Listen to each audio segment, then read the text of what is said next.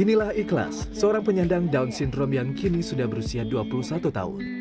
Ia terlahir dengan penyakit penyerta, penyakit jantung bawaan.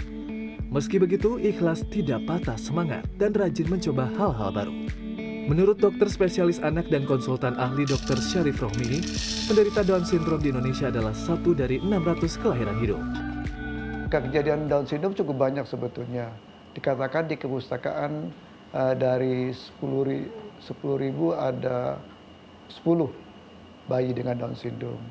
Kemudian di Indonesia berapa diperkirakan di Indonesia itu satu dari 600 kelahiran hidup. Orang tua ikhlas Sri Hartani tergabung dalam komunitas Persatuan Orang Tua Anak dengan Down Syndrome atau POTATS. Ini memberikan akses bagi ikhlas untuk mempelajari banyak hal. Salah satunya keterampilan menjadi seorang barista. Jadi waktu itu memang saya belum ikut apa-apa sebelum ikut potats itu ya hanya akademi sekolah aja gitu. Hmm. Nah di situ kelihatan sih awalnya dia suka kayak ikut drum, main drum di online. Oh kamu kepengen musik kita. Saya ke sini pengen belajar jimbe. Udah datang ke sini trial ternyata kemudian pandemi nggak sempet kan ngapa-ngapain. Hmm. Apa yang bisa kita lakukan di saat pandemi? Akhirnya barista lah yang saya ikutin. Tapi ternyata passionnya anaknya juga senang gitu jadi walaupun kita di rumah, kita ada alatnya dikirim sama gurunya, kita belajar di rumah seminggu sekali. Minat yang tinggi untuk menjadi seorang barista ia tunjukkan dalam proses belajar yang dilakukannya. Berbekal ilmu meracik minuman yang diterima serta semangatnya, ia mampu membuat berbagai macam minuman.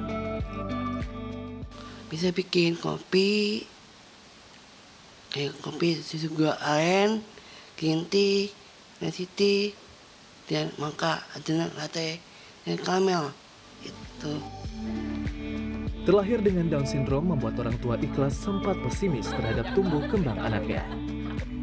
Namun Sri sangat senang karena kini anaknya bisa tumbuh menjadi pribadi yang lebih baik dan dapat berkegiatan seperti orang lain pada umumnya.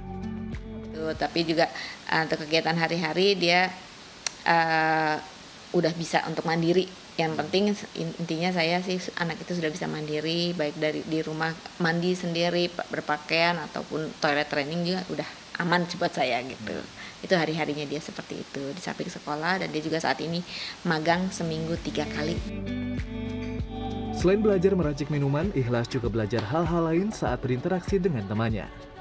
Ini membuat dirinya semakin berkembang saat bersosialisasi dengan orang lain.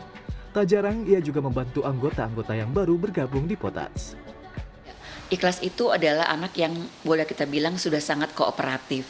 Artinya eh, di depan di di orang banyak dia sudah tidak lagi malu-malu, dia percaya diri, kemudian juga bagus juga komunikasinya ketika ditanya dia mampu menjawab dengan baik, dengan cara sopan juga. Jadi sejauh ini eh, dia sudah sangat mandiri gitu.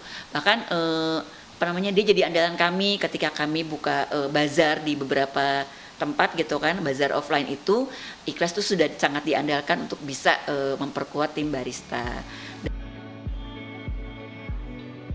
Dengan usaha keras yang dilakukannya, Ikhlas terpilih sebagai peserta magang di salah satu hotel bintang 5 yang ada di Jakarta. Ikhlas adalah contoh penyandang Down syndrome yang masih bisa terus berkarya dan menyebarkan manfaat bagi masyarakat. Tim Liputan CNN Indonesia.